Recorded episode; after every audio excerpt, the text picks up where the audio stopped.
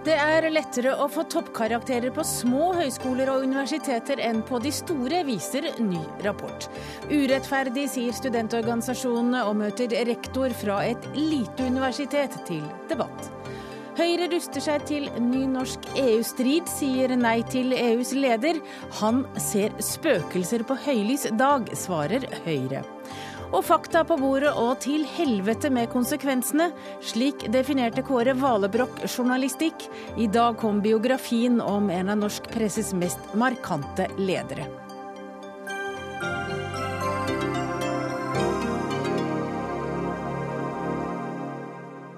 Velkommen til Dagsnytt 18 i P2 og på NRK2. Vi rekker også innom Nydalen og de fire borgerlige som nå er i ferd med å bestemme seg for om de skal regjere sammen.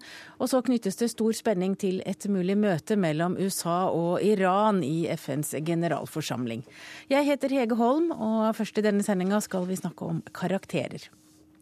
Det er lettere å få toppkarakterer på små høyskoler og universitet enn på de store. Det viser en studie utført av Senter for økonomisk forskning. Det er på NTNU det er vanskeligst å få toppkarakterer. På det forholdsvis ferske Universitetet i Nordland får studentene nesten en hel karakter bedre i fag som skal være likeverdige. Og Bjarne Strøm, du er professor i økonomi ved Norges tekniske naturvitenskapelige universitet. Du er en av forskerne bak studien. Og nå nå må du forklare meg hvordan dere har kommet fram til disse forskjellene. Ja, Vi har foretatt en relativt eh, omfattende kartlegging av eh, karaktersettinga på norske universiteter og høyskoler. Og eh, vi har utnytta at mastergradsprogram rekrutterer studenter med bakgrunn fra bachelorstudier ved ulike institusjoner. Og så har vi sammenligna eksamensresultatene på mastergradsprogram for studenter med bachelorutdanning fra ulike læresteder. Uh, og så har vi kontrollert for uh, de karakter, det karakternivået de har med seg fra bachelorstudiet fra de respektive uh, lærestedene. Og også karakternivået fra videregående opplæring. Og da kommer vi fram til, som du sa, at det ser ut til at de som har bakgrunn fra de store universitetene, tradisjonelle universitetene, og Norges handelshøyskole gjør det systematisk bedre eh, på samme masterkurs enn en, de, en del av de mindre universitetene og høyskolene. Og da er det likeverdige Det er likeverdige Dere sammenligner likeverdige studier? Da sammenligner vi eh, de samme eh, karakternivået på de samme kursene på mastergradsnivået. Men, men, hvem, er, hvor, eh, men altså, hvem, er, det som er snillest, eller hvem som gir best karakterer, og hvem er de som gir dårligst? Ja, det, det som jeg sier at uh, det de Mønsteret er ganske klart at det er de mindre lærestedene uh, og, og, høyskolene som gir som ser ut til å gi de beste karakterene. Mens de tradisjonelle universitetene og NHH gjør, gir de beste. Og det er helt systematisk, det er ikke tilfeldige? Eh, nei, det ser ut til å være et eh, ganske robust mønster. Gir rapporten noen svar på hvorfor det er så store forskjeller? Nei, det har vi ikke eh, kunnet undersøkt direkte. Vi har bare presentert noen mulige mekanismer som kan gjøre at karaktersettinga blir systematisk forskjellig mellom institusjoner. Og det du sier er altså at de store institusjonene gir de dårligste karakterer, og de beste karakterene kommer fra de små stedene? Sånn, sånn ser det ut for oss, ja. Ole Ola Magnussen Rydje, du er leder for Norsk studentorganisasjon, og du syns dette er urovekkende tall. Er du overrasket? Uh, nei, uh, jeg er egentlig ikke overraska, men den rapporten her er veldig viktig. Den peker på et kjempeproblem, uh, nemlig at vi har en karaktersetting som er systematisk forskjellig. Eh, og det vil f.eks. føre til at opptak til masterprogram blir eh, feilaktig og urettferdig for studentene. Og at de som har studert ved en institusjon der hvor det er en snill karakterpraksis, eh, vil fortrenge muligheten til de som er utsatt for en da, strengere eller mer korrekt karaktersetning, da, som Strømmen påpeker i rapporten. Så vi er egentlig ikke så opptatt av å, sånn, å peke fingre på hvem som gir snille og hvem som gir strenge karakterer, men vi er veldig opptatt av konsekvensene rapporten viser. Ja, hvilke konsekvenser mener du at det bør få? Eh, nei, altså Konsekvensene av eh, dagens praksis er jo at det er en stor eh, urettferdighet for studentene, med at de som når man skal søke opptak til masterprogram, at når en A ikke er en A nasjonalt, så vil det gi utslag da, for hvordan de kommer inn på studiene f.eks., eller hvordan en arbeidsgiver oppfatter de når de skal vurderes til søknad av jobb. Men jeg ville jo sagt da, da hvis jeg var deg, at da ville jeg oppfordret studentene til å søke små læresteder. Eh, nei, altså nå skal ikke studentene endre praksis om hvor de søker inn på studiene pga. Eh, den rapporten her. Eh, det vi må se er jo at institusjonene må ta det her på alvor, og sektoren må ta det på alvor. Og at de nå må sette seg ned og sørge for at vi får tydeligere retningslinjer. Og mer samarbeid mellom like fagmiljøer nasjonalt, sånn at man klarer å få en likere karaktersettingspraksis, så vi unngår den problematikken som Strømmen påpeker i rapporten. Pål Pedersen, du er rektor ved Universitetet i Nordland, som er et forholdsvis nytt universitet, og som er et av de snille. Hvordan forklarer du at det er enklere å få god karakter på ditt universitet enn det er hvis du går i Oslo, Trondheim eller Bergen? Ja, du peker jo rapporten i, i flere retninger her. og Bjarne Strøm og hans kollegaer har jo da sett på inntakskvalitet, som er da karakterer fra videregående skole.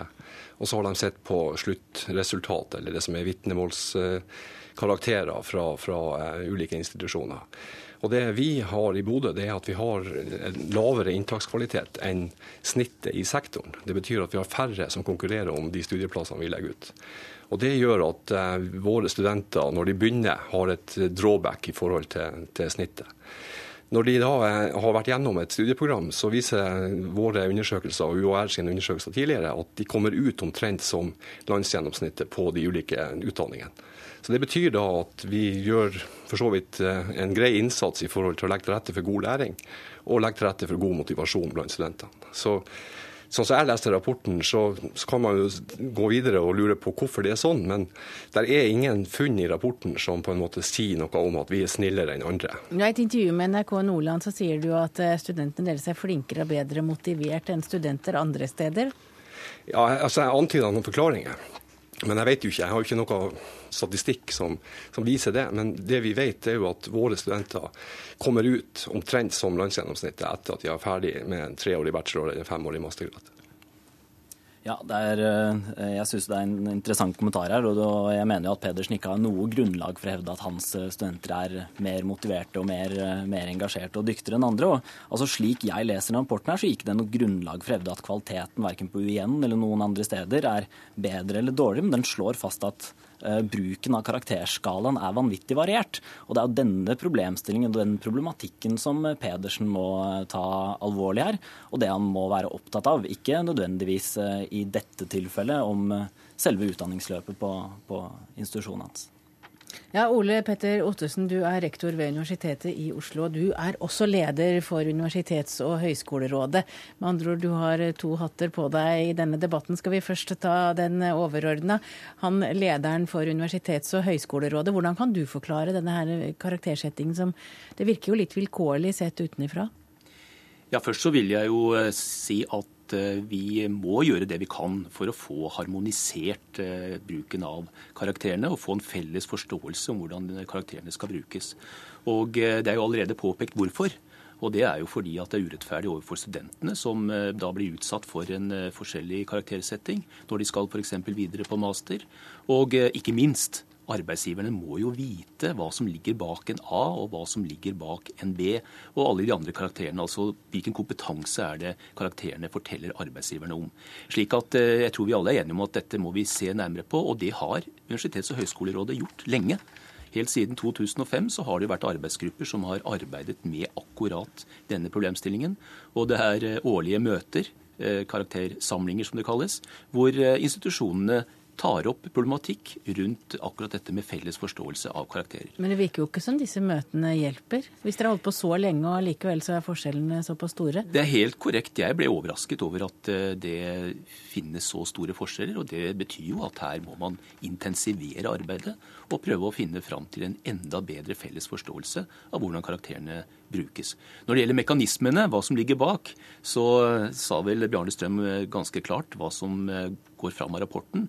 Og det er at eh, det er uvisst, slik jeg forstår det, hva som er årsakene til at bruken av karakterer er så forskjellig som den er. Og dette er kompliserte ting å studere, men helt klart er dette et signal om at vi må prøve å finne ut enda mer av hva det er som er mekanismene bak eh, denne forskjellen som er påvist. Men Pedersen, du som det er på et lite universitet, kan det ha noe å gjøre med størrelsen og med inntaks- og finansieringsform òg? At dere er, dere er jo avhengig av å ha søkning til de forskjellige studieretningene, og at dere får studentene gjennom, og at de kommer ut med et rimelig godt resultat, så dere får et godt rykte? Nei, vi tenker ikke sånn. Altså, vi tenker selvfølgelig på å lage gode studieprogrammer og legge til rette for god læring. Men vi, vi, er opptatt av at de kandidatene som skal ut og konkurrere i arbeidsmarkedet, skal ha kvalifikasjoner som lar seg sammenligne med de kvalifikasjonene som fås på de andre studiestedene. Så eh, det er på en måte vår jobb, det å legge til rette for god læring og, og, og, og gi dem eh, en, en, læring som er i forhold til de kravene som eh, nasjonen stiller til de ulike utdanningsprogrammene.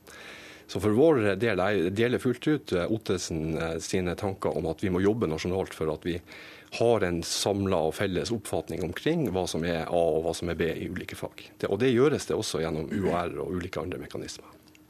Uh, først vil jeg si nå at jeg er helt enig med Ottesen i hva han, uh, hva han peker på her. Men uh, du drar opp en interessant problemstilling når det kommer til finansiering, om dette også kan være motivasjon. For det rapporten peker på, som kan være videre i det viktige arbeidet nå, er dette man kaller strategisk karaktersetting. Nemlig at det er kostbart for en institusjon å stryke studenter, siden man ikke får da penger per produserte studiepoeng. Og det vil være en interessant problemstilling både for nå Kunnskapsdepartementet, men også for sektoren. Og her må også institusjonene gå i seg selv og ta et ansvar for hvordan de bruker karakterskalaen, og må harmonisere den på nasjonal basis. Men ryktet er vel også viktig, er det ikke det for dere studenter?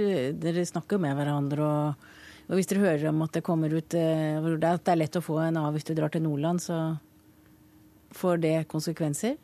for hvor man søker studie. Ja. Altså, nå er det ikke det vi først og fremst er opptatt av. Nå er vi opptatt av at eh, det må være en harmonisering, og man må sette nå eller ha en lik praksis over hele landet. Fordi Hvis vi ikke har det, så mister karakterene sin status og sammenligningsverdi eh, hvis eh, praksisen er såpass ulik. Og jeg mener at vi må nå eh, ha øynene på ballen på hva som er de viktige problemstillingene her. Og det er nå nettopp å prøve å få en, få en likere praksis over hele landet. Hvordan skal dere klare det? Det jobbes med dette også i fagmiljøene, i tillegg til at Universitets- og høgskolerådet for lengst har tatt eh, fatt i denne saken. Nå er det jo da slik at Noe av det som kan gjøres framover, det er jo å ha sensorsamlinger som kan være nasjonale, og hvor man rett og slett sammenligner vurderingen av oppgavene mellom institusjonene. Og Det er jo noe som ja, kanskje Universitets- og høgskolerådet vil gå nærmere inn på, og se om det kan være en løsning for å komme enda nærmere en felles forståelse av hvordan karakterer brukes. Ja, hva tenker du? Tenker du på en slags form for nasjonale prøver med anonyme Nei, ikke nødvendigvis det, men at eh, de som da er involvert i sensorarbeid, eh, kan eh, ja, kan sammenligne hvordan de forskjellige institusjonene bruker karakterene. Det er fullt mulig å gjøre. Allerede nå så har vi jo karaktersamlinger hvert år i Universitets- og høgskolerådets regi, hvor man prøver å komme til en felles enighet om hvordan karakterene skal brukes. Så dette er arbeid som pågår.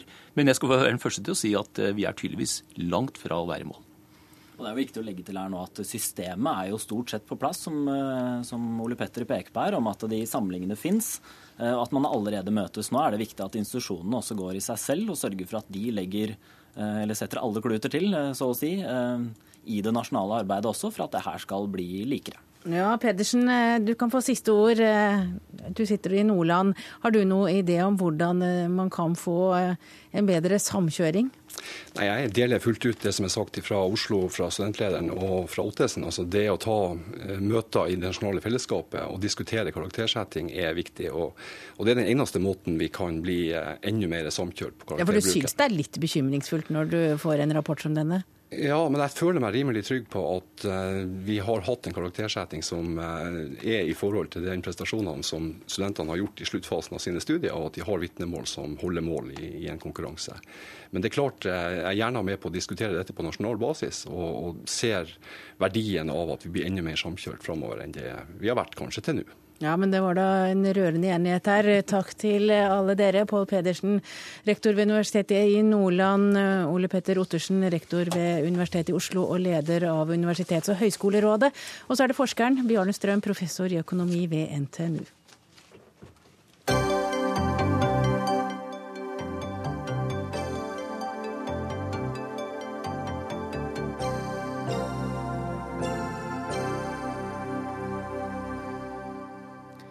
I Nairobi i Kenya hevder nå terroristene at de fortsatt har gisler på kjøpesenteret Westgate.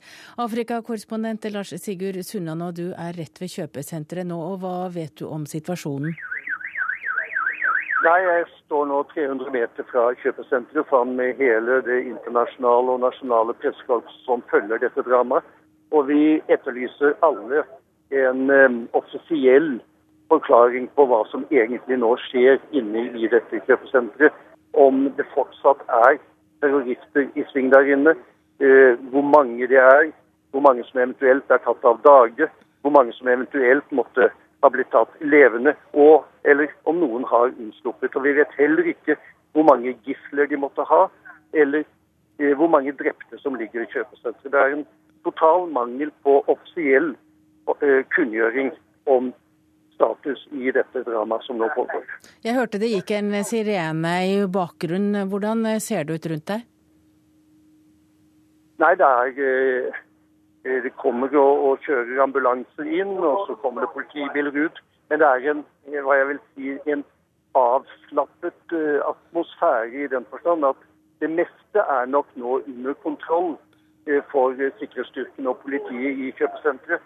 Men vi vet jo ikke hva som er situasjonen inne, hva som skjuler seg når uh, tingene er under full kontroll og, og kjøpesenteret åpnes. Det er jo stor frykt for at det finnes veldig mange drepte der inne. Likhuset i Nairobi lekte i dag opplysninger om at de er forberedt på å ta imot opptil 60 ofre for denne tragedien, i tillegg til de mer enn 60 som allerede er uh, bekreftet drept. Hva betyr det at dere ikke får informasjon om hva som skjer? Nei, det er det som alle lurer på, hva som gjør at eh, myndighetene er så sparsomme med å fortelle hvem f.eks. terroristene er, og, og, hvordan de i hele tatt aksjonen har gått.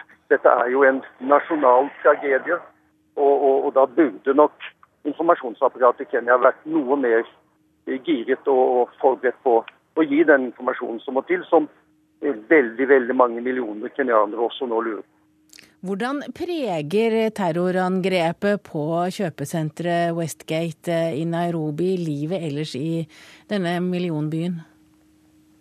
Ja, det har jo Kenyanere er jo i, langt sjokk. Det er klart at dette er eh, nasjonens 22. Eh, juli.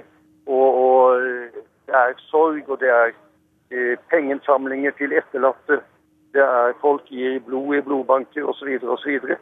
Men det begynner å komme en del kritiske spørsmål eh, om eh, i hvilken grad eh, sikkerhetstjenesten og sikkerhetsstyrken og politiet har vært forberedt på en aksjon som dette, og hvor etterretningsvesenet i Kenya har vært, som har gjort det mulig for terroristene å slippe inn i kjøpesenteret. Det kom jo ikke overraskende, dette dramaet.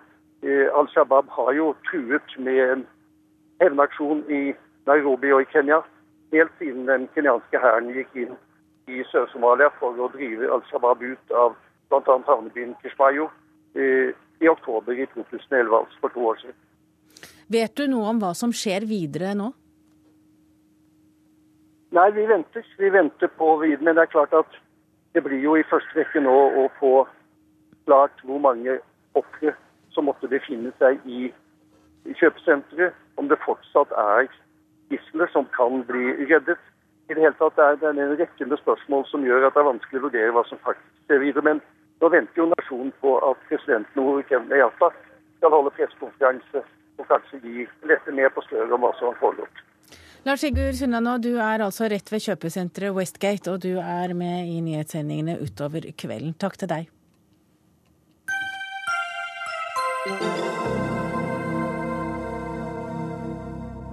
Ja, De som trodde at EU-saken var lagt død i norsk politikk, de må tro om igjen, skal vi tro. Nei til EU.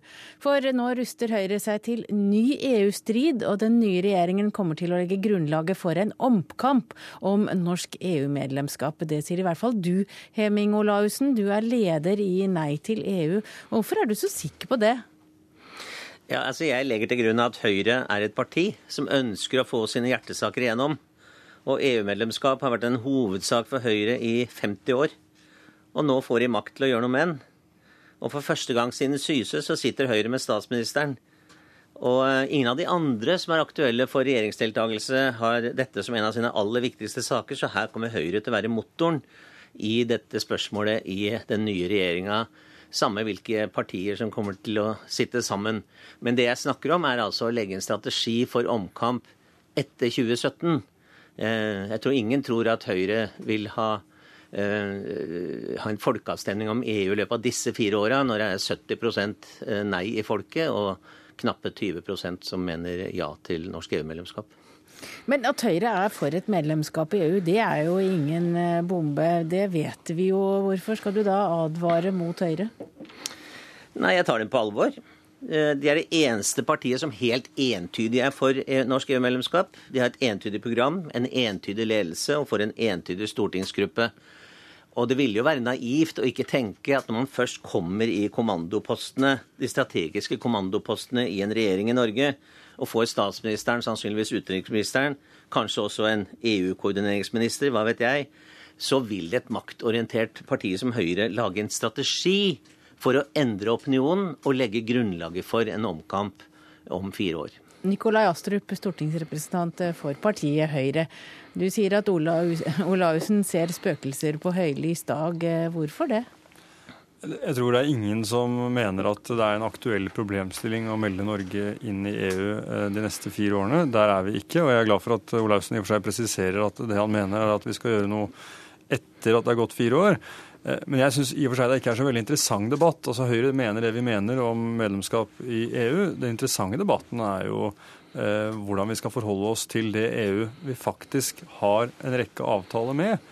Eh, og Der mener jo Høyre at vi må ha en langt mer aktiv europapolitikk. Bruke det handlingsrommet vi har for å påvirke beslutninger innenfor EU-systemet på en bedre måte. Og Det burde jo Heming Olaussen og Nei til EU være tilhenger av og applaudere. Det opplever jeg ikke at de gjør. Nå ja, eh, det er greit nok, og jeg unner deg flere tur til Brussel. Det er mye god vin og mye god mat i, i Brussel. Men hva er det dere skal inn for å påvirke? For det er jo det avgjørende spørsmålet. At en regjering skal ivareta eh, Norges nasjonale interesser overfor motparten. Men Høyre har altså en 20 år eh, gammel historie med servil applaus for alt som kommer fra EU. De har aldri protestert mot noen ting, noen gang. De snakker ned vetorettens betydning i EØS, på tross av at det er nettopp vetoretten som gjør EØS akseptabel når det gjelder Grunnloven. De vil snu om på det eneste veto Norge har nedlagt, EUs tredje postdirektiv, og Høyre løp til Brussel og sladra om norsk ostetoll for å få sine partifrender der nede til å kritisere Norge. Altså Høyre har ingen troverdighet på dette mantraet om tidlig innflytelse. Hva skal den egentlig brukes til? Kan jeg gi én konkret utfordring til Men Skal vi la få eh, svare på det? Ja, jeg hadde én konkret ja. utfordring, og det er nemlig noe som heter EUs offshore-direktiv. Der har så vidt jeg vet Høyre enda ikke øh, øh, flagga noe standpunkt. Dette er altså et direktiv som Statoil og partene i arbeidslivet og regjeringa mener vil utfordre sikkerhetsarbeidet til eh, offshore, eh, norsk offshoreindustri, og derfor avviser at dette skal inn i EØS. Hva mener egentlig Høyre om det? Ja, Det var mange ting på én gang, ja. Astrup. Mm, jeg kan svare på det siste først. og det er jo at eh, Vi mener at norsk sokkel skal og vilkårene der bestemmes i Norge av norske politikere, og ikke i Brussel. Og det har jeg kommunisert klart og tydelig. Eh, og så er det litt ulike oppfatninger av hvorvidt dette direktivet er en stor utfordring for oss eller ikke. For det er et minstekravsdirektiv, og det er ingenting som hindrer oss i å ha strengere krav til f.eks. sikkerhet på sokkelen. Eh, så eh, når det gjelder at vi skal være så servile, så mener jeg det er feil. Men sannheten er den at de aller fleste av de rettsaktene som kommer fra EU, er relativt lite kontroversielle. Men der vi ser at det har vært noen kontroversielle saker, der kommer jo Norge da inn i diskusjonen mange år etter at beslutningen i realiteten er fattet i Brussel. Og mange av de direktivene der Olaussen har vært mest opptatt av å være kritisk, gjelder dette. F.eks. tjenestedirektivet. Og det å ha en debatt fire år etter at uh, våre venner i Brussel da har faktisk uh, fattet beslutningen og blitt enige om et kompromiss mellom da 27, nå 28 land, Eh, da er det relativt naivt å tro at vi skal kunne få noen særlige unntak etter at alle andre er enige. Vi må komme inn tidlig i debatten, og vi må ha debatten i Norge samtidig som den pågår i Brussel. Og eh, vi, vi, må ikke gjøre dette til en debatt om man er for eller mot Europa. Vi må gjøre dette til en debatt om at vi faktisk er en del av EUs beslutningssystem gjennom EØS i, i, stor grad. Altså Vi får ikke lov å være med å ta beslutningene, men de gjelder for oss. Og da er vi nødt til å, å gjøre oss selv hørt så tidlig som mulig i prosessen hvis vi har innsigelser eller eh, tillegg eller merknader av annen sort. Men det er litt, eh, hva skal jeg si, eh, krevende for en del av oss å tenke oss at det er Høyre som skal nå dra til Brussel for å forsvare norske fagforeningstillitsvalgte mot sosial dumping, eller norske småbrukere mot EUs sentraliseringspolitikk norske fiskere mot EUs overfiske osv. Grunnen til at det ikke står så veldig til troende, det er at Høyre ønsker jo faktisk at vi skal bli medlem, og da gir vi fra oss alle de virkemidlene som kan forsvare det norske velferdssystemet eller, eh, eller landbrukssystemet eller fiskeripolitikken. Slik at Høyre snakker her med to tunger. Men for all del, dra ned. Eh, delta i diskusjoner tidlig. Men da må det være ut fra posisjoner som faktisk skal ivareta norske interesser og ikke ivareta interessene til idolene deres nede i Brussel, EU-kommisjonen. så Olaussen, det er det du egentlig er redd for, at i løpet av de neste fire åra så blir Norge så tilpasset EU at vi like godt kan bli et medlem? Det er jo hovedargumentet til Asia. Vi sitter på gangen uten innflytelse. Og jeg ser for meg nå en rekke eh, godt arrangerte bilder av norske statsråder, statssekretærer og stortingsrepresentanter som faktisk sitter på gangen nede i Brussel. Og så skal man da peke på en dør, og der inne sitter de altså og tar beslutninger. Og dit vil vi så gjerne inn. Det kommer til å være paradenummeret for å prøve å flytte opinionen. For den eneste og største hindringen for norsk EU-medlemskap, det er det norske folk. Det er altså opinionen som absolutt ikke vil inn der hvor Høyre vil inn. Men dere har vel ikke noe imot å snu opinionen, Astrup? For det er jo helt klart at Høyre gjerne vil inn i EU og få innflytelse der? Ja, men eh, det er ingen aktuell problemstilling nå, og Olaussen har selv referert hvorfor. Det er et eh, stort flertall i den norske befolkning som er mot. Vi har hatt folkeavstemning to ganger. Skal vi ha en tredje, så må det være fordi det er et ønske om det nedenfra, ikke fordi noen trer det over hodene på folk ovenfra. Så denne debatten bør handle om hvordan vi best utnytter den relasjonen vi faktisk har. Men i regjering vil dere jo ha en del makt til å påvirke også opinionen i løpet av fire år?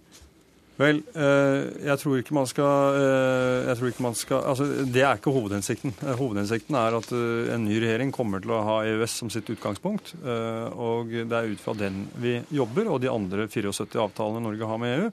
Og så handler det om å finne handlingsrom innenfor de avtalene vi har, til å fremme norske interesser. Og debatten om hvordan det skal gjøres, og på hvilken måte vi skal ha en nasjonal debatt om europapolitikken, den bør Olaussen delta i, istedenfor å utelukkende diskutere norsk medlemskapsdebatt, som ikke er så veldig interessant akkurat nå. Jeg skal gjerne delta i den, jeg, Astrup. Men uh, ut fra hva du sier, så regner jeg det som en selvfølge at vi nå får en uh, sjølmordsklausul i Nydalen-erklæringa, slik Bondevik II-regjeringa hadde, slik at ingen kan finne på å mistenke Høyre eller noen andre for å ha noen andre intensjoner enn de du til stadighet hevder at dere har. Jeg kan ikke, og det tror jeg alle forstår, forskuttere forhandlinger som jeg ikke deltar i. Eh, og Derfor kan jeg ikke gå inn på det spørsmålet. Men hovedsaken er at vi har gjort det klart også før valget at eh, EU-medlemskap ikke er en aktuell problemstilling innen kommende fireårsperioden. Eh, og nå ønsker vi en debatt om skal, hva slags europapolitikk vi skal ha. Og den innenfor rammen av de avtalene vi allerede har. Og Den inviterer jeg Olaussen til å delta i, uten at det hele tiden skal være en sånn skyggeboksing-debatt hvor han, han, han, tar tak i en stråmann Eh, og eh, forsøker å mistenkeliggjøre våre motiver eh, når vi egentlig da ønsker bare å føre en mer aktiv, resultatorientert europapolitikk. Olaussen, er det litt kjedelig å være leder for Nei til EU når nesten hele befolkningen er enig med deg? Må... det er jo en glede, da. Det er jo ikke mange politiske ledere i Norge som kan si at de har 70% av folket bak seg. Det er mange som kunne misunne det. Men, men, det er jo ikke kjedelig, for selvsagt er vi opptatt av europapolitikk. Vi er opptatt av den krisa som rir Europa som en mare. Vi er opptatt av ekstremisme ekstremismen som vi ser utfolde seg i Sør-Europa. Vi er opptatt av fattigdom og arbeidsledighet. Og det er helt andre debatter, og, og de kommer vi helt sikkert tilbake til i Dagsnytt 18, men eh, denne gangen er det over. Takk til deg, Heming Olaussen, leder i Nei til EU, og Nikolai, Nikolai Astrup, stortingsrepresentant for Høyre.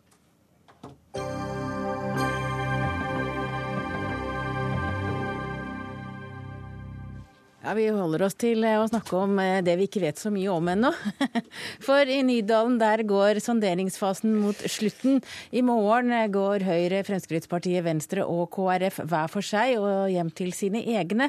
Da blir det trolig klart hvem som går inn i regjeringen Solberg. Og Først så skal vi til Nydalen. Der befinner du deg, Trine Eilertsen, politisk kommentator her i NRK. Og det ble jo på forhånd varslet at vi allerede i dag kunne få en indikasjon på hvem som blir med, eller om om det blir en eh, firepartiregjering. Vet vi noe mer etter dagens møter? Nei, vi vet, eh, vi vet, ikke mye etter dagens møter. De kommer til å sitte utover kvelden og skal også treffes i morgen formiddag. Eh, skal ikke ha noe press, pressebrif underveis, så vidt vi har fått brakt på det rene. Og sitter altså og diskuterer videre alle disse tunge sakene før de går hver til sitt og, og treffer partiene sine. Ja, vet du hva de har diskutert i dag? Nei, det er, det er, veldig tett. Vi får ikke ut uh, veldig mye konkret om det. Vi vet bare sånn rist av hva type tema de har vært innom i løpet av sonderingsperioden. Og vi vet at de strever med de kjente sakene, men også med prioriteringene mellom alle sakene de da er enige om. Fordi at det er jo uh, dyre løfter i alle partier. Alle skal få litt. Uh, og alle, alt kan ikke gjøres i denne fireårsperioden. Det er også en diskusjon. Hvor mye vet vi om den kommende regjeringskabalen? Nei, Den vet vi ingenting om. og den, den, tror jeg ikke noen kan engang begynne å tenke på før de vet uh, hvor mange partier som er med. Uh, og hvor mange statsråder da hvert parti får. og så Med en gang vi vet det, så kan vi i hvert fall begynne å spekulere med, med litt større potensiell entusiasme og håp om å treffe rett enn det vi kan nå. Ja, det er ikke lett å være politisk eh, kommentator i disse dager. Marie Simonsen, du er eh, politisk redaktør i Dagbladet. Du sitter nå her, men eh, hva blir utslagsgivende når partiene skal gå til sine respektive partiorganer i morgen? Det er selvfølgelig enkeltsaker som også vil være avgjørende, men, men det er mye viktigere det Trine Eilertsen snakket om nå. De, altså rammene, prioriteringene, det store bildet. Eh, hvordan eh, hvordan om man rett og slett eh, har tro på at eh, disse fire kan sitte sammen dag ut og dag inn og time etter time. Det er det som er det store spørsmålet. Og jeg tror at et parti som KrF f.eks. Har, har voldsomme kvaler når det gjelder det. Hvorfor det? Fordi at avstanden vil jeg si, er størst mellom, mellom KrF og Eh, Frp. KrF hadde også litt dårlig erfaring med å sitte i parti med Høyre sist gang, hvor de gikk hardt, eh, hardt utover KrF etter en runde med skatteletter f.eks. Eh, så, så de bygger jo også på den erfaringen og vet hvor, hvor tøft det kan bli her når man attpåtil har Frp og de to sammen, til sammen er så store. Ja, Trine Eilertsen, hva tror du må til for at KrF skal si ja til å være i regjering, være med? Nei, altså det, det, Sånn som det virker nå, så kan de få ganske mye i første runde av, uh, av saker som er viktige for dem. Men den store vurderingen for dem er jo nettopp det hvordan de skal sitte i fire år med, med Høyre, og særlig Frp, og bli enige underveis i vanskelige saker. Og prøve å, å, gjøre det uten å få så mye tyn og kjeft fra utsiden at de er helt marginalisert når neste valg kommer. Det er en veldig viktig avveining for KrF som hadde et valgresultat som var relativt sett eh, altså ganske svakt, særlig hvis du sammenligner med Venstre, som hadde et godt valg sammenlignet med der de kom fra. Så de har mye å tape og, og i tvil om hvor mye de har å vinne.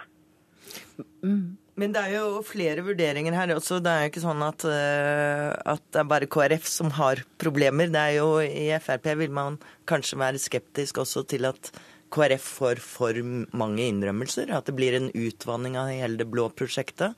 Det er også Erna Solberg som må tenke på hvordan, eh, hva som skal skje de neste fire årene hvis KrF eh, blir utenfor, eller begge de to småpartiene blir utenfor. Så, så, disse strategiske Det er et langsiktig strategiske eh, vurderinger som også må gjøres her. Men, men kan Venstre komme til å gå inn i en regjering uten KrF? Jeg ser at uh, flere spekulerer i det. Jeg, jeg synes det høres usannsynlig ut. Uh, både Venstre og KrF har jo gjentatt nå atskillige ganger at de har fast følge og vil holde sammen. Så det vil i tilfelle være nærmest et løftebrudd. Det er heller ser jeg ikke at, at, det er ønskelig fra Høyres side å stenge, la KrF vandre alene rundt i Stortinget. Hva vil skje med da, hvis et av de småpartiene blir eh, gående rundt og vandre i Stortinget, som du sier? Nei, nei altså det, det, er ikke, det, er ikke, sannsynlig at de hopper rett i fanget på Jens med en gang. Men, men eh, det som skjer, er jo at, eh, at Erna Solberg har jo et stort ønske om å binde disse sentrum til seg, eh, med tanke på nettopp 2017 og lenger at dette skal være langvarig, en langvarig allianse. Og Da eh, vil hun jo helst ha begge de to småpartiene med på laget. Hvis KrF står utenfor, så er jo det en farlig situasjon for eh, både partiet og den regjeringskonstellasjonen. Vi vet jo at store saker som oljeboring i Lofoten og asylpolitikken står høyt på eh, agendaen. Er det andre saker også som ikke-mediene fokuserer på, som har stor betydning, Trine Eilertsen? Ja, altså det er Jeg tror mer enn de der store sakene som det er både masse realitet og masse symbolikk i, så er det nettopp de der prioriteringene underveis. og Altså, Vi har skatteletteløfter fra både Frp og Høyre. De skal kombineres med store, dyre løfter til eh, familiene fra KrF. Eh, vi har samferdselsløfter som er dyre. Vi har eh, løfter innenfor helse som er dyre. Og Alt dette skal pakkes sammen i noe som er troverdig og bærer forbi en regjeringserklæring. Så jeg tror nok at vi på utsiden bruker veldig mye energi på Lofoten, Vesterålen, asyl og, og kanskje bompenger. Men at eh, der på innsiden så er det mange saker som er vel så kompliserte. Og det, det, man også ser, er jo at Erna Solberg her på fredag også la frem nærmest en slags sånn verdiplattform for disse her. Så jeg tror det er mye, mye snakk om hvilken At det er en pedagogisk øvelse. At man skal vise at disse fire ønsker tross alt å dra i samme retning. At de har et felles verdigrunnlag som de kan bygge videre på. Ja, så får vi se hva som skjer. Trine Eilertsen, du blir sittende i Nydalen du, og venter på at eh, noe skjer. Marie Simonsen, eh, du blir sittende her i studio.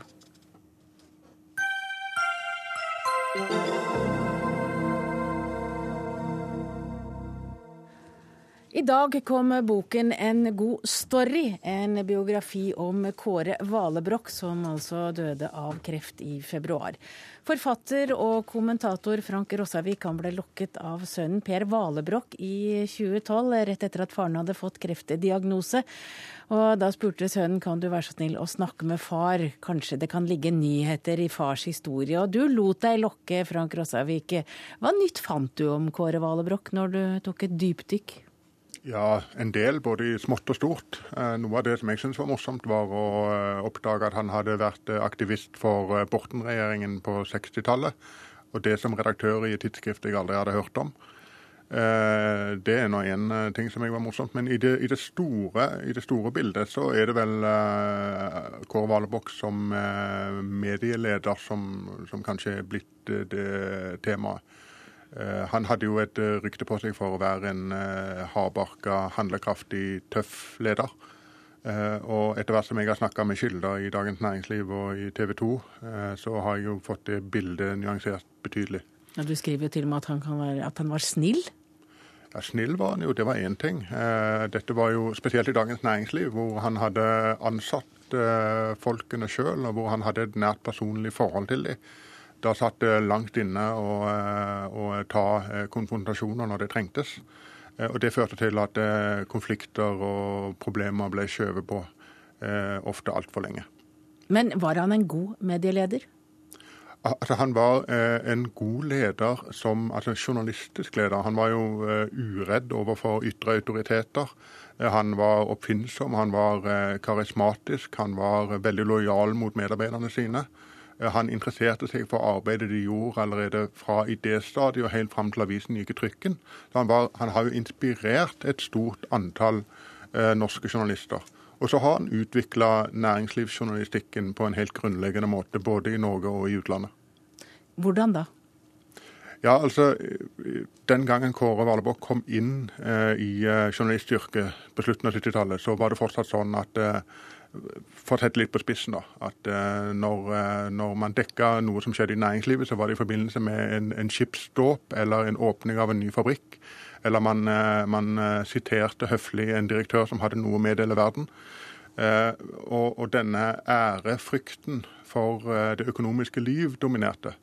Og det var det Trygve Hegnar og Kåre Valebokk som tok tak i på hver sin måte og hver sin, fra hver sin front. Eh, og, og, og har, har, gjort svært mye for å skape den brede, kritiske eh, dekningen som vi i dag eh, ser av penger og makt i norsk næringsliv. Kåre Vallebrokk var jo ganske voksen mann da han valgte journalistikken en gang for alle og lot næringslivsmannen ligge mer brakk. Han tok kontakt med Per Norvik i VG og sa at han hadde lyst på jobb, og parkerte gravemaskinen. Da var han jo 39 år. Ja visst. Han var, han var jo, han var jo gammel, nesten. Eh, og det ja, nesten jo, ute, det men er det for gammel i dag til å få seg jobb? Det er jo, det er jo utrolig hvordan, hvor, hvor seint han kom i gang, og hvor stor han allikevel ble innenfor det yrket. Men så skal man jo heller ikke undervurdere den erfaringen som ligger i å ha vært næringslivsleder og ha vært gründer og ha vært på, på gulvet på en måte i det økonomiske liv i 14-15 år, sånn som Kåre Valborg hadde på det tidspunktet. Og den erfaringen ga han jo en tyngde og en troverdighet som eh, sjefredaktør i Dagens Næringsliv som jeg ikke tror noen eh, andre eh, redaktører av den avisen har hatt.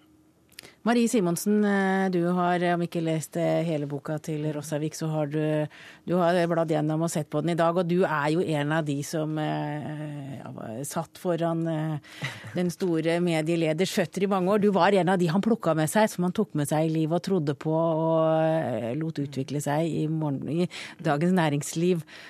Når du leser om han som leder, stemmer bildet du har?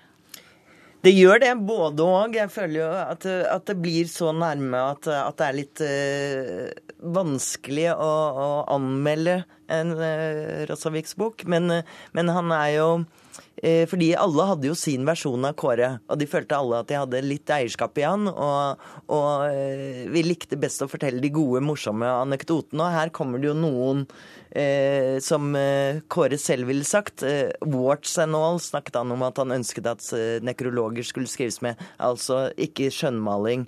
Og det har ikke eh, Rossavik gjort. Men jeg tenker at det som er slående, er at eh, han hadde en stil som kanskje fungerte bedre, eh, og, i hvert fall på en annen måte i Dagens Næringsliv, hvor det var en liten og tett organisasjon fullt av unge, uerfarne journalister som, som kanskje lettere lot seg eh, drive enn en disse mer erfarne folka i TV 2, hvor det var et større organisasjon og mange ting som Kåre ikke, eh, ikke hadde erfaring fra tidligere.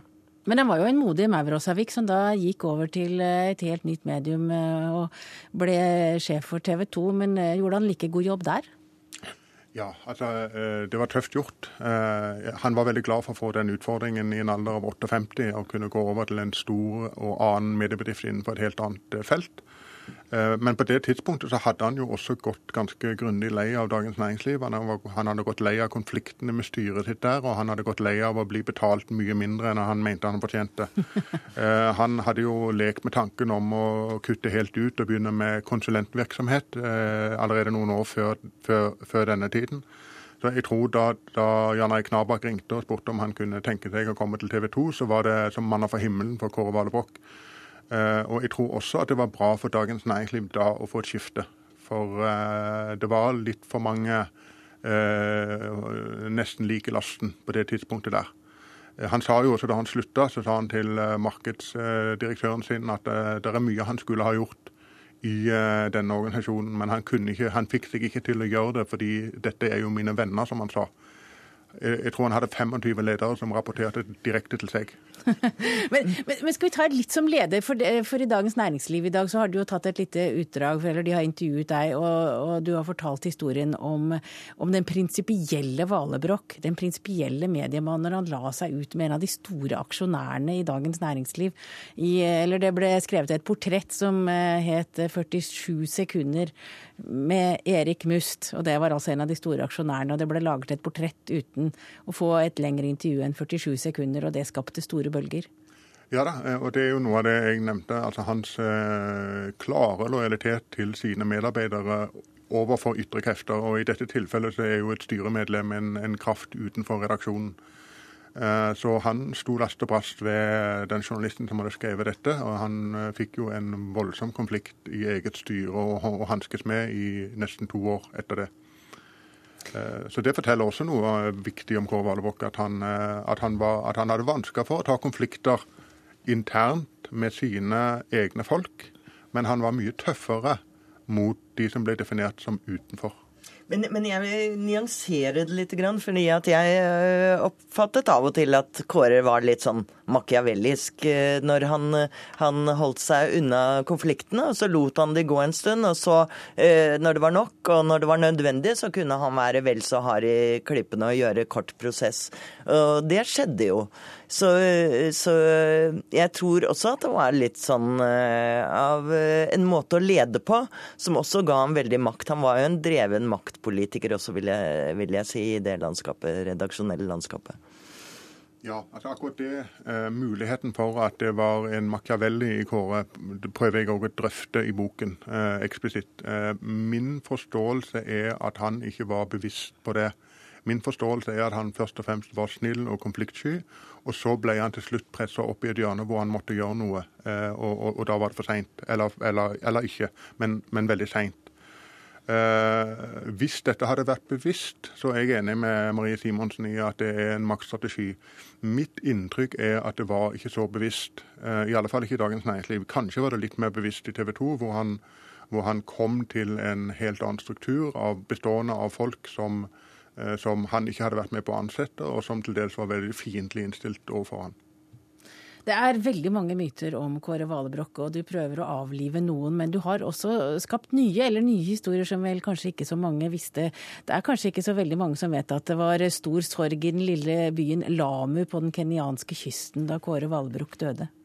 Nei, eh, det var en av eh, han, eh, han ble invitert med ned til Lamu av en venn, en advokat, og kom da i kontakt med et fotballag som spilte på kysten der som eh, langt ned i divisjonen og med dårlig økonomi. og Der eh, satsa han eh, formodentlig noen titusener av norske kroner, som ble svære penger for denne klubben. og De brukte disse pengene til å slå seg opp og bli et av de gode lagene på kysten. Og da han, døde, da han ble syk, så fikk han tilsendt signerte bilder fra hele laget og, og lykkeønskninger og ønskninger om god bedring. Og, og så fikk enka da et fint brev fra klubben etter at han var død. På gravstenen til Kåre Valbrokk så er det altså inskripsjonen 'fortsatt savnet'? Ja, det, det tror jeg er fordi at uh, familien følte at han var mye vekke, spesielt ungene. Han var en noe fjern far. Uh, og de savna han uh, mens han var i live, og de savna han selvfølgelig enda mer nå. Men nok en myteskaping som han også har skapt selv. Han fortalte at det skulle stå på gravstenen hans før han døde. Takk til Marie Simonsen, politisk redaktør i Dagbladet og mangeårig arbeidstaker under Kåre Valebrokk. Og så takk til deg, forfatter Frank Rossavik.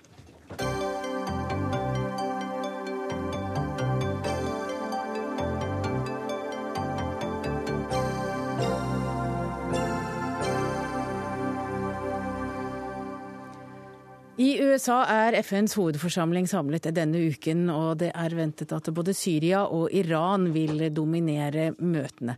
Og særlig spenning er det knyttet til om Irans nyvalgte president og Obama kommer til å møtes. For en drøy time siden holdt Obama tale til FNs hovedforsamling, og han sa dette om forholdet til Iran. The roadblocks may prove to be too great, but I firmly believe the diplomatic path must be tested.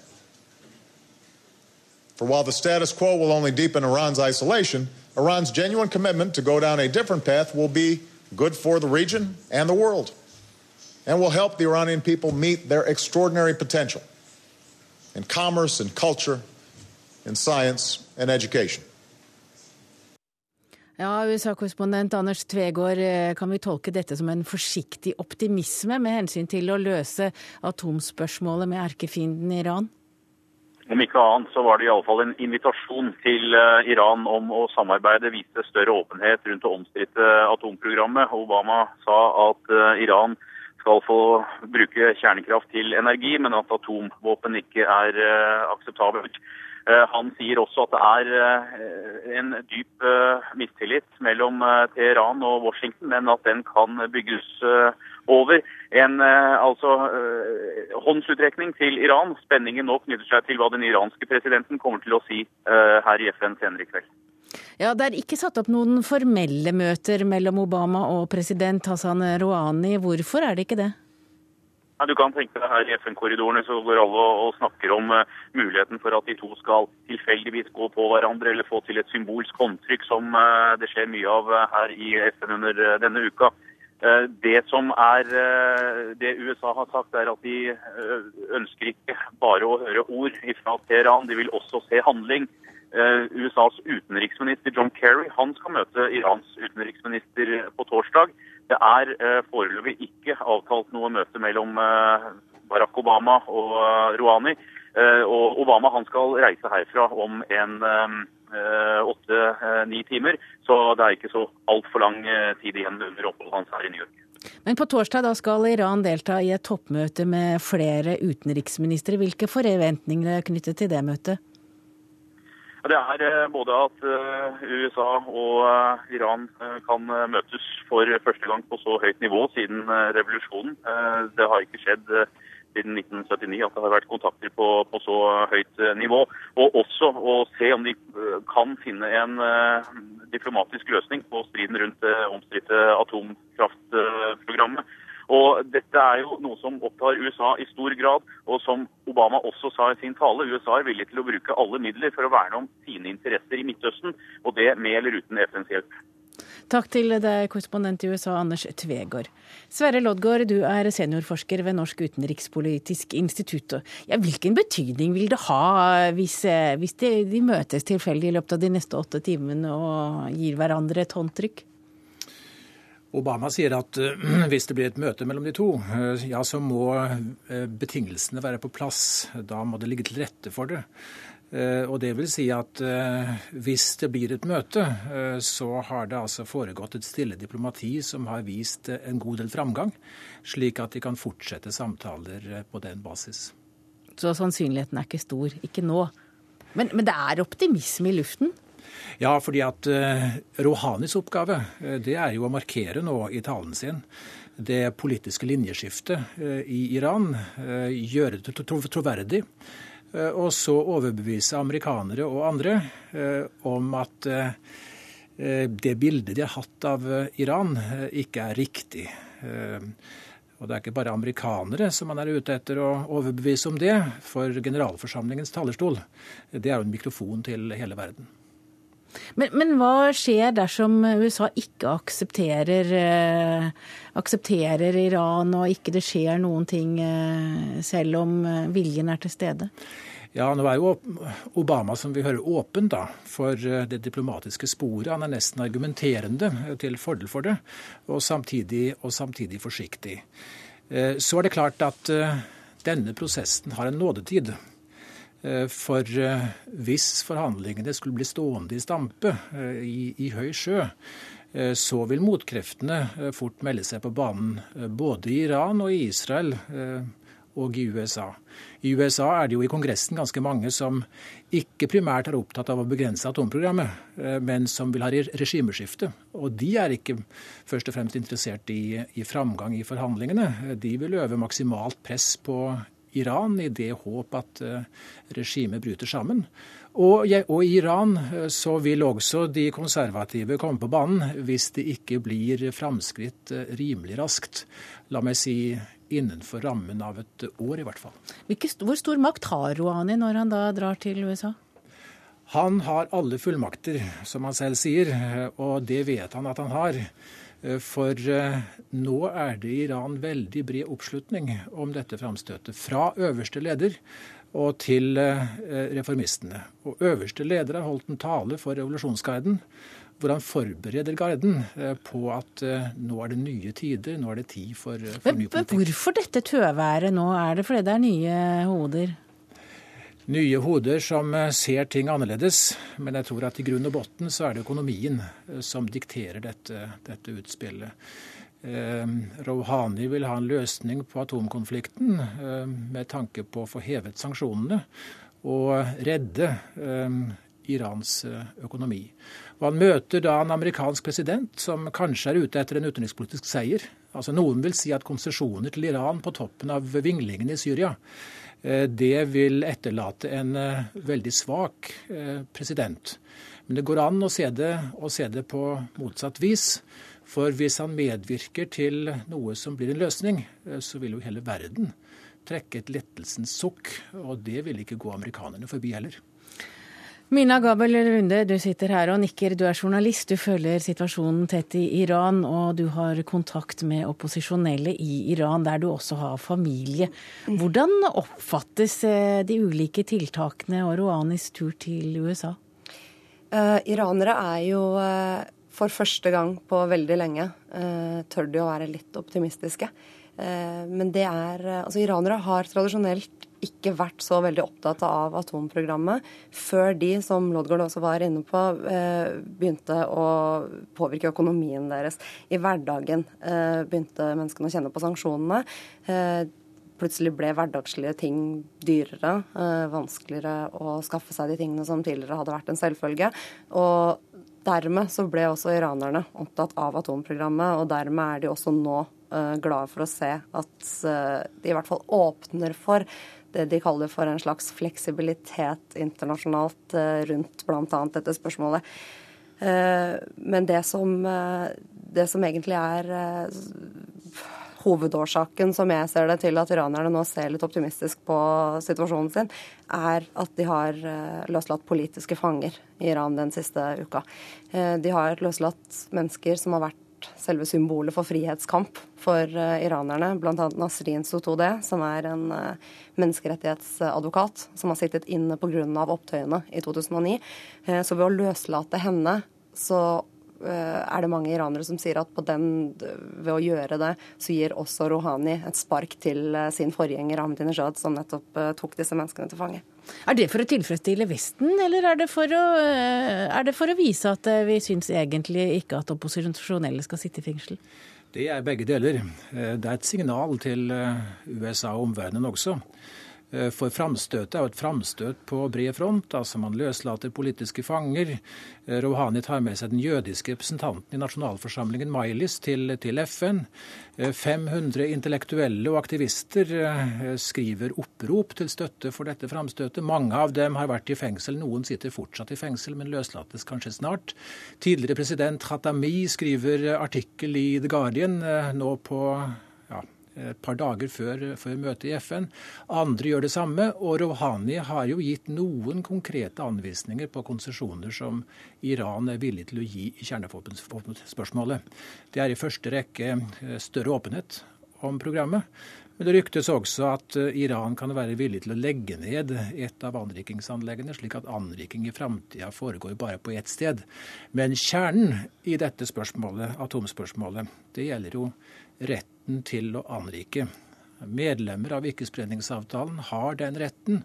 Iran er medlem av eh, avtalen, og det vil ikke de fire på. Så spørsmålet til Obama er jo om han kan være villig til å anerkjenne at Iran har en slik rett, i prinsippet. Og hvis han gjør det, eh, da vil veldig mye fort eh, falle på plass. Men vil han det? Ja, det vet vi jo ikke. Det får bare tida vise, men det høres ut som han vil gå gradvis til verks og se seg for. Som det ble nevnt her, han legger større vekt på handling enn på ord. En første pekepinn får vi kanskje etter møtet på torsdag. For det utenriksministermøtet som Tvegård nevner, det er altså et, et møte eh, i den såkalte P5 pluss 1-gruppen. Stormaktene og Iran som møtes på dette nivået. Eh, for å gå gjennom posisjonene som nå er nye, da, eh, i stor grad på iransk side. Det var det vi rakk å snakke om Iran i denne sendingen, men det er sjelden vi snakker så positivt om Iran her i Dagsnytt 18s studio, så vi får håpe at dette er eh, et tegn om en annen framtid. Takk til dere, Sverre Loddgaard, seniorforsker ved NUPI, og Mina Gabel Lunde, journalist og med god kontakt med opposisjonelle i Iran. Og nå hører vi her at Kenyas president sier at eh, gisseldramaet er over, og dette får du vite mer om når du følger nyhetssendingene utover kvelden, for Dagsnytt 18 er over. Ansvarlig Siri Storstein Hytten, tekniske ansvaret hadde Finn Lie, og jeg heter Hege Holm, og vi er tilbake igjen i morgen.